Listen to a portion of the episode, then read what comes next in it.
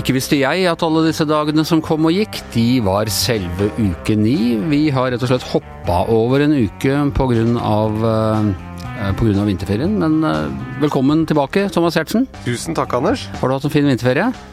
Du, den var veldig fin. Ja. Eh, jeg har jo nå Altså, hva skal vi si? Litt tiltagende nervøs nå de siste dagene. På grunn av covid-19, selvfølgelig. På grunn av covid-19, ja. Covid-19 det er koronaviruset. Ja, vet du ikke det? Jo, altså jeg, har registrert at det er en eller annen sånn Det eh, HTML-kode der, men jeg, jeg kaller det bare koronaviruset. Ja, men det står for korona, altså ko, Ja. og så virus, øh, vid. Også D-en er for disease, og så er det 19 konstatert i 19. Ja. Ja.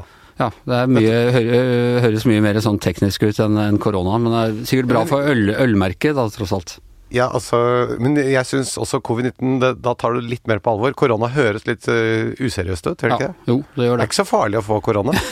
Nei, men det er ikke så farlig å få dette viruset heller, Thomas. Jeg vet at du har, er litt sånn sykdomsengstelig av deg, men uh, du som er godt under eh, 80 år og i det hele tatt, du vil, eh, du vil tåle, tåle denne influensaen hvis du skulle få den? Sjansen er stor, men jeg vil synes det var ubehagelig. Selvfølgelig er det Jeg skjønner at det er ubehagelig, men det er, det er viktig å ta liksom noe av den panikken litt grann ned, føler jeg. Jeg må bare si grunnen til at jeg ble litt ekstra nervøs, det var at eh, det sto en sak i VG hvor det sto Overskriften var 'Sjansen for at 40% kan få dette viruset'. Det var en Harvard-professor eller noe sånt som hadde sagt det. Og så står det ned i saken så sto det at han mente at 40-70 av verdens befolkning kunne få det. Og da tenker jeg, altså når VG-desken plukker ut det laveste tallet og prøver å avdramatisere, da er det grunn til å bli redd. Er, ikke dette det du har mast om nå i du har, Nå har du vært her nesten hver uke i hele år, og da har det stort sett vært å klage til at vi har overdrevet og vi hyper opp og i det hele tatt. Nå, på grunn av sånne som deg, så tar vi den kritikken ad notam, og så toner vi ned sånn at uh, Når det kommer dødelige sykdommer, da, da, da, da Altså, det, det er ikke noe Det er ikke sånn Nå kommer det en dødelig sykdom, da tar vi det litt ned. Ja, Når det ikke er farlig, da gasser vi opp. Og når det er kjempefarlig, tar vi det ned. Er ikke det alt i alt uh, Syns du ikke det høres ganske ansvarlig ut å gjøre det på den måten der? Hvis det er ok, konflikt i farmen, så, så jazzer vi det litt grann opp. Eh, når det er grunn til å få befolkningen til å, til å ta det rolig, så, så prøver vi å mane til ansvar og Det er, her, er, her er det viktig Hvert eneste ett liv, Anders, teller, og dermed så er det grunn til å beskytte seg, og da skal ikke deres rolle være å ta det ned. Dette er en form for balanse som er helt på vranga. Okay, okay. Du skal, Dere må være ærlige. Ok, vi har som vanlig en knallgod dagsorden, om jeg må få si det selv. Vi skal snakke om eh, USA-valg, vi skal snakke om russerne, vi skal snakke om eh, folkeopprøret mot klimahysteriet, vi skal snakke om Adolf Hitler, vi skal lese brev vi har eh, fått, og vi skal ha besøk av selveste sjefredaktør Gard Steiro. Let us create the political revolution this country needs. Sanders, you have one minute for your closing remarks. All of us are united in defeating the most dangerous president in the modern history of this country. Ja, det var en seierssikker eh, demokratisk sosialist Bernie Sanders som nå fortsetter sin eh, parademarsj mot eh, nominasjonen til Det demokratiske partiet. Anders, skal, skal ikke du reise over nå? Jo, jeg reiser på lørdag. Du skal sitte på fly nå. Ja, altså jeg er jo ikke så Jeg er mer bekymra for beinplass på flyet enn for virus, men jeg skal, jeg skal si at uh, sånn sju timer inni en sånn tube med resirkulert luft Jeg tenker i hvert fall over det nå når det er så mye øh, Ja, mye panikk for virus og sånn. Ja, Det hadde jeg aldri gjort. Du hadde ikke det? Nei. Satt meg innpå der nå. Nei. Så du ville avlyst en tur til New York nå av dette? Jeg har ikke lyst til å reise noe sted nå, nei. Nei? Kanskje på hytta. Ja. Eller ikke kanskje, helt sikkert på hytta. ja, hvor du treffer færrest mulig folk. Men du, når dere reiser over til USA for å dekke det nå, hvorfor trenger du egentlig å dra over deg folk egentlig all den informasjonen du trenger her? Nei, øh, du gjør ikke det, altså. Du har jo nettet og TV-kanaler, og du har jo tilgang på alt, har du ikke det? Jo, og, og deler av valgkampen har vi jo nå dekket sånn, ved siden av at vi har korrespondenter der, selvfølgelig. Men, eh, men det er en helt annen forskjell. Altså, å skulle sitte og se liksom, CNN her og, og følge med på, på um, skjermer og sånne ting, enn å faktisk være der og, og Ja, snakke med folk. hvordan da? Ja, eh, ta Sanders for eksempel, da. Eh, nå er store deler av venstresida i Norge hele Plutselig er eh, Rødt og sånn begynt å bry seg om hvem som blir president i eh, USA. Som de alltid har ment liksom, det er det samme, det er en imperialist, kapitalist uansett.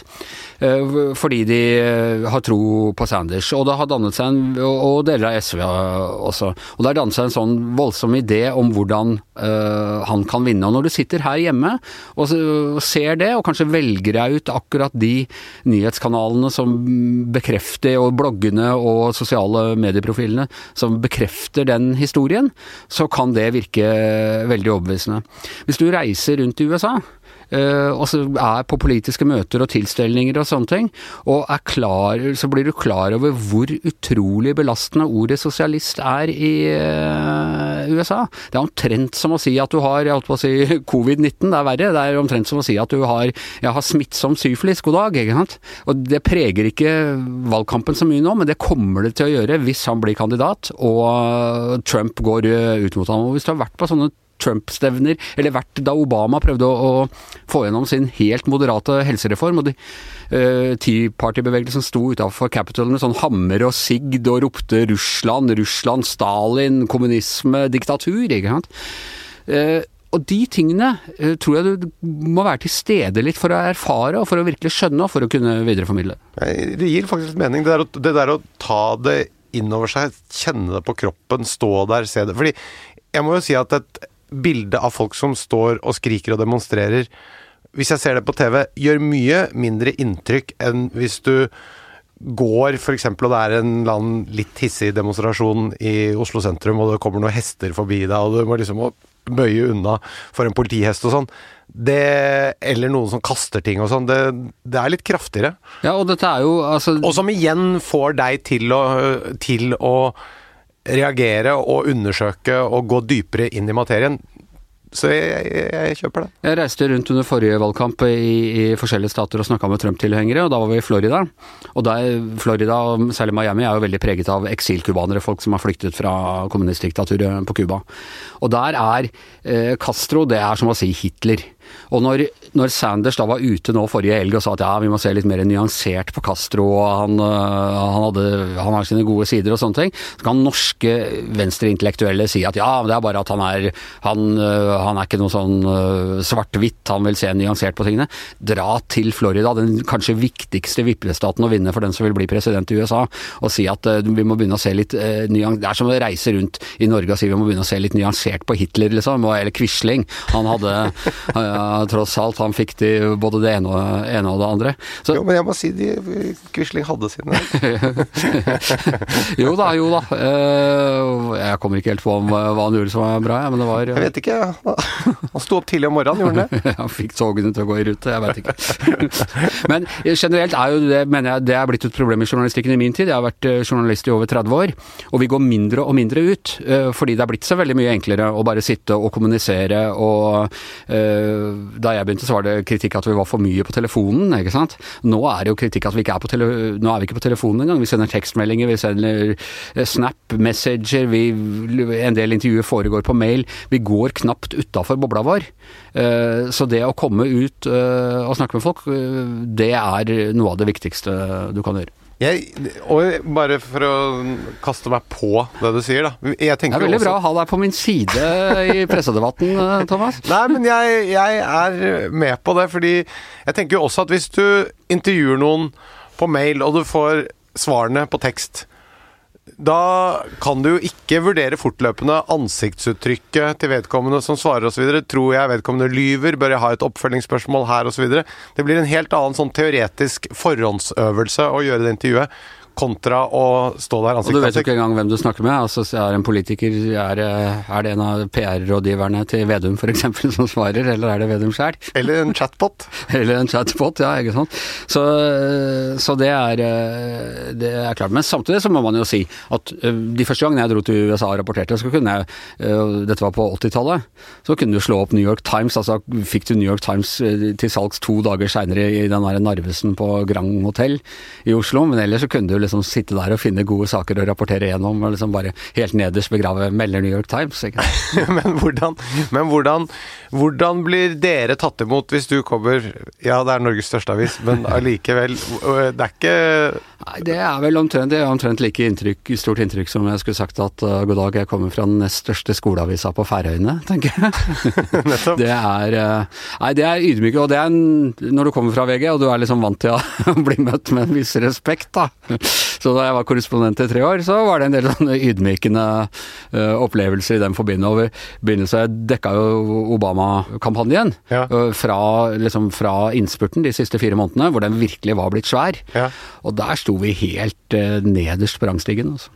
Ja, hva, hva, skjedde for noe? Eksempelvis, de har noe som heter The Traveling Press, som er liksom Det er de som jobber fast, eh, de amerikanske journalistene, og som ikke er så veldig høyt oppe i hierarkiet, de stakkarene som må stå ute og rapportere i regnværet og, og sånne ting. eh, Så de er ikke så høyt oppe i hierarkiet der, men de var milevis over oss. De reiser liksom med presidenten i eget fly og sånn. Og så kunne du også melde deg på og prøve å søke deg med. De hadde noen plasser til utlendinger, men det kosta armen øh, å være, være med på, det, og det var ikke sikkert at du fikk med heller.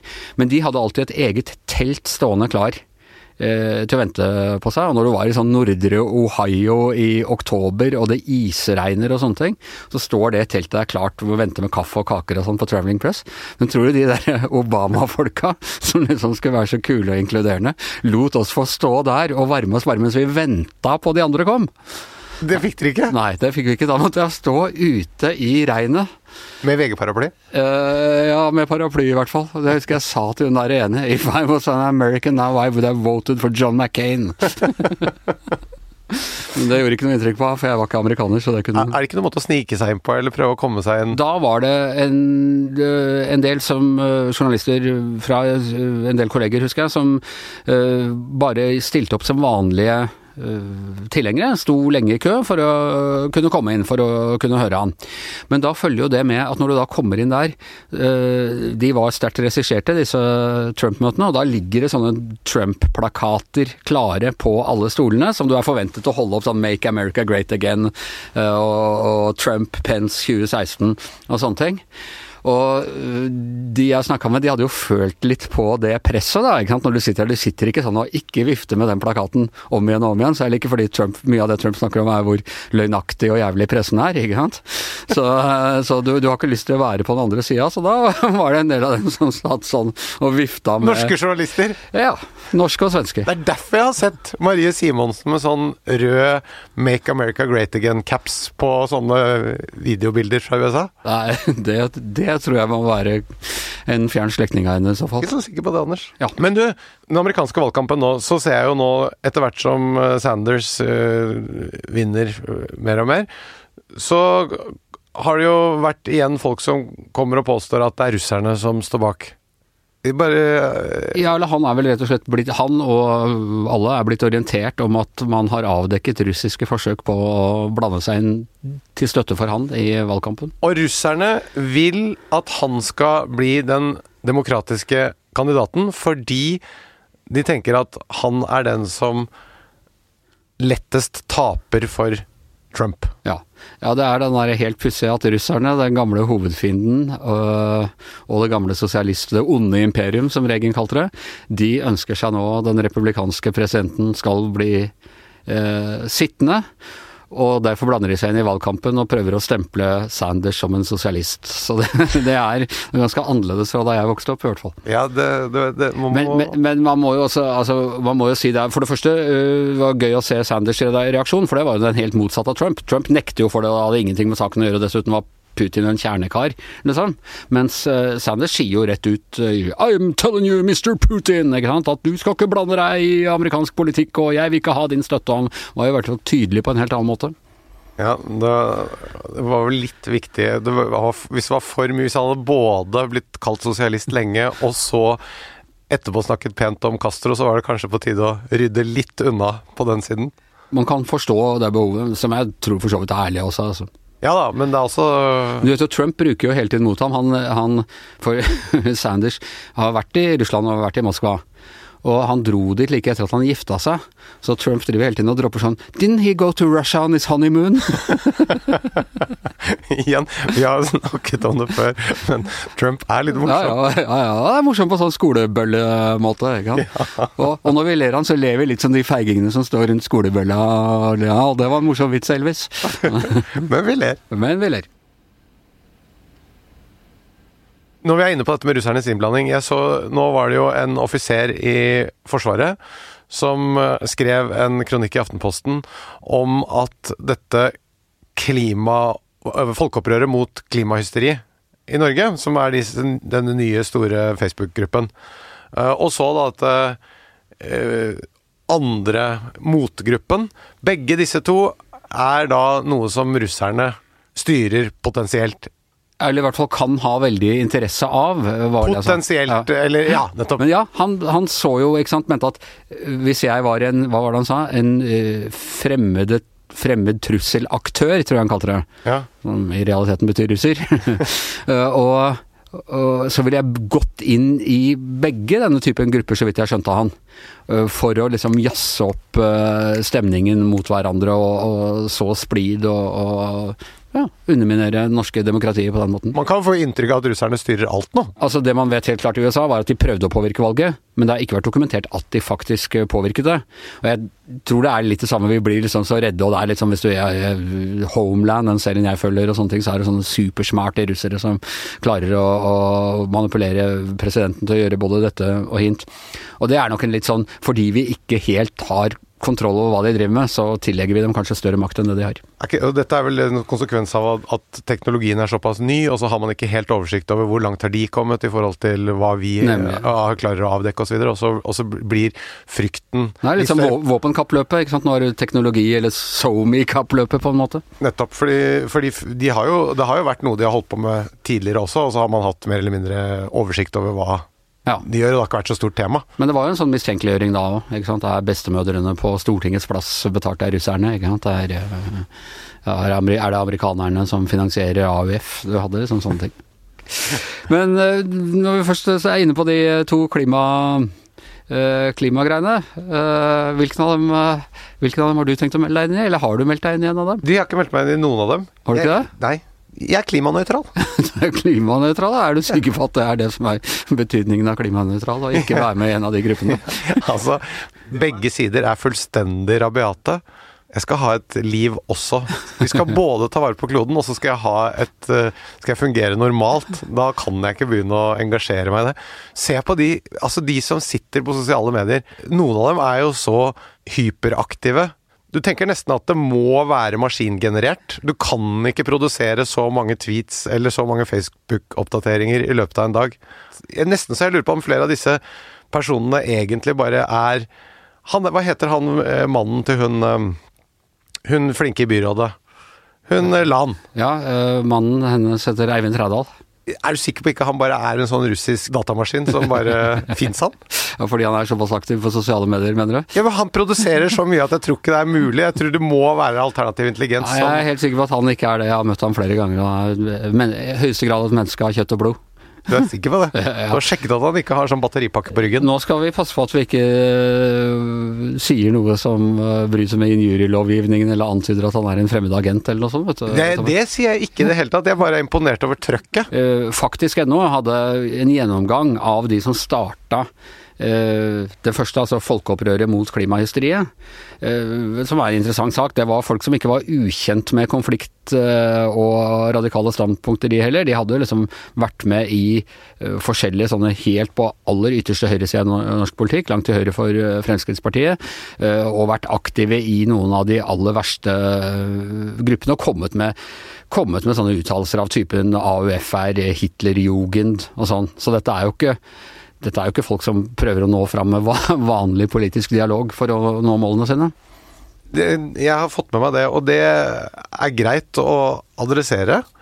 Men jeg tenker samtidig at det er også greit å ta på alvor at det tydeligvis er ganske mange mennesker som er eh, uenig med den klimapolitikken som føres. Hvis, man tenker seg at det er, det er tre grupper der, eh, eller tre hovedstandpunkter. Du har selvfølgelig de som ikke tror at det fins, eller som er eh, uenige, og som leser andre forskningsrapporter. Og, Det på YouTube-videoer og sånn? ja, prøver å dokumentere det. Og så, har du, og så har du de som tenker at den klimapolitikken og de avgiftene og skattene som vi innfører, de rammer skjevt og feil og og så videre. Og så har du den siste gruppen som tenker at norske klimapolitikk har ikke så mye å si i det store bildet. Vi er så liten del av verdens befolkning at det er bare symbolhandlinger uansett. Og det tenker jeg, det er jo eh, ting som man må ta på alvor og ikke fullstendig ignorere at noen mennesker mener det. Det er jeg selvfølgelig enig i. Og, og samtidig bare si med en gang sånn Å ja, dere mener det samme som noen som er eh, har grumsete nazitilhørighet, eller hva det måtte være, så derfor så driter vi i hva dere mener om klima. Det tror jeg ikke er veien å gå, da. Nei. Mm, Man kan kanskje si at hele den der sosiale medier starter starte gruppe vi som mener at ditt eller datt, kanskje ikke er den mest konstruktive. Det er vel den som lager mest sånn type skyttergravskrig. Det, det tror jeg du har rett i. Og det, men også det der å lime folk til at du mener det samme som Altså, jeg vil jo synes det var veldig lite konstruktivt om da SV og Arbeiderpartiet ville ha varm skolemat, om det da liksom skulle bli satt fokus på at dere vet at det var et, et av Hitlers store eh, standpunkter i ernæringspolitikk var å gi skolefrokost til barna. Ja. Du vet det, Audun Lysbakken. Det Audun Lysbakken står på talerstolen og sier nå, der målbærer han Hitlers deler av Hitlers politiske visjon. Ja, da tror jeg at SV og Altså, Hitler, Hitler innførte skolefrokost, mens SV og Arbeiderpartiet har vel snakket om lunsj. Oh, ja, du mener, så du mener at det som skiller sosialistene fra nazistene, er når på dagen du serverer maten? Ja, det er, uh, dette her er eh, reductio ad Hitlerum, det du driver med da. Hva, hva er det for noe? Ja, det er, eh, det er et uttrykk som eh, Hitling kaller det på norsk, eh, godt norsk, eller å dra nazikortet. Altså at ja, du er mot røyking, det var Hitler også, ikke sant. Dermed, dermed har du, går du inn for nazi-røykeregler. Jeg tenker ikke det er det beste argumentet for å rydde opp i den klimadiskusjonen. Du tenker at de som starta den gruppa, selv om de er helt langt, langt ute på høyresida i eh, andre ting, så kan de ha gode poenger i klimadebatten? Ja, det handler ikke om hvem som mener, eller som også drikker H-melk, eller som også gjør andre ting. Poenget mitt er bare at eh, enten så er det bare russere, det er russiske datamaskiner. Kanskje bare er russerne Så da er det greit, men eller så er det en del mennesker som ikke er enig i den offisielle klimapolitikken, og tenker jeg det kan være greit å ta på alvor, og ikke bare drite dem ut eh, fordi de mener det samme som noen som mener håpløse andre ting. Det er poenget mitt. Og da vil jeg gjerne protokollføre at jeg er helt enig med deg. Jeg tror ikke det er noe konstruktivt. Og, og Takk for det, Anders. det er en egen, det er en egen sånn uh, internett, eh, en sånn lov som kalles Goodwins lov, som sier at uh, jo lenger en internettdiskusjon pågår, jo større blir sannsynligheten for en sammenligning som involverer Hitler eller nazismen. Og det er, jeg mener nå skjedde det bare mellom oss uh, her nå, ikke sant. Så det, det er en av de smartere sånne lovene jeg har sett. Ja, som jeg eh, sa før eh, vinterferien en gang, eh, så vil vi, ha, vil vi gjerne ha respons og forslag til ting vi kan snakke om tilsendt oss på mail. Og det er det flere som har gjort, og særlig en mail fra Håkon Låstad, eh, som jeg syns er eh, interessant og som går rett inn i de tingene vi pleier å diskutere her. Og han spør blant annet er PFU, altså Pressens faglige utvalg, nok? Spesielt med hvor eh, beklagelsen, hvordan beklagelsen printes. Hvis jeg skriver på forsiden av eh, VG at Thomas Giertsen er en døgenikt, en sengeveter og blir felt i PFU, og så trykker avisen en beklagelse i like stort opplag, men beklagelsen er på side 25 i mikroskrift, så vil mange påstå at et etterlatt inntrykk hos folket ikke er hjulpet av beklagelsen. Uh, burde det være regler om at man uh, måtte beklage feil like stort på samme sted i avisen? Spesielt spennende å høre Thomas' tanker eh, rundt det. Men og før du dine tanker rundt det, bare si velkommen til deg, Gard Steiro. Jeg må trekke inn de store kanonene for å svare på samme spørsmål. Takk for at jeg får komme. Ja. Og Thomas, hva, hva er dine Nei, tanker rundt jeg det? syns spørsmålet er veldig godt, og jeg tenker at det kan Gard svare på. Det er ikke jeg som skal svare på det Ja, for du, har du opplevd eh, Jeg har opplevd det nettopp, akkurat som han sier. Du får et eller annet stort slått opp på forsiden, Og så eh, kommer det en beklagelse, en rettelse, som er et lite frimerke. Og da er jo etterlatt inntrykk i eh, hos leserne eller befolkningen, er jo da den forsiden. Ja. Eh, Spørsmålet er godt. da. Det er, to, altså, det er egentlig to deler av det spørsmålet. Det ene er fungerer PFU. Uh, og jeg tror selvdømmeordningen i Norge, altså det at mediene dømmer seg sjøl, tror jeg er den beste løsningen vi kan få. Eh, og for alle medier så svir det enormt å bli felt i PFU. Sånn at effekten av å bli felt i PFU for et medie, det tror jeg det er, den er veldig stor. Altså, med noen få unntak, så tror jeg dette er altså det er virkelig Du blir tatt på alvor å bli felt i PFU, det er pinlig, eh, og det er på en måte ikke å publisere den eh, dommen fra PFU som er det store nederlaget, det er faktisk å bli felt. Så dette legger alle redaksjoner veldig mye arbeid i, og eh, PFU-arbeidet sitt. Også de mer ytterliggående nettstedene. Nei, det, altså det er enkelte Altså det er enkelte som kanskje ikke bryr seg like mye. Eh, så, det var jo PFU-møte i går, og Trygve Hegnar eh, i sitt svar til PFU trakk litt på skuldrene over eh, det hele, virket det som. Men, men mitt inntrykk er at dette tar journalister på alvor. Journalister syns det er pinlig, og redaktører vil ikke bli felt i PFU. Men hva med be- beklagelsen? En ting er at vi skammer oss når vi blir felt, men eh, for den som da eh, altså, Går rundt og er sengeveter for livet. Nei, altså det, der norsk presse generelt har mye å gå på, det er å rydde opp uten at saken havner i PFU. Uh, Der har vi jo vært kronisk dårlige på i generasjoner, vil jeg si.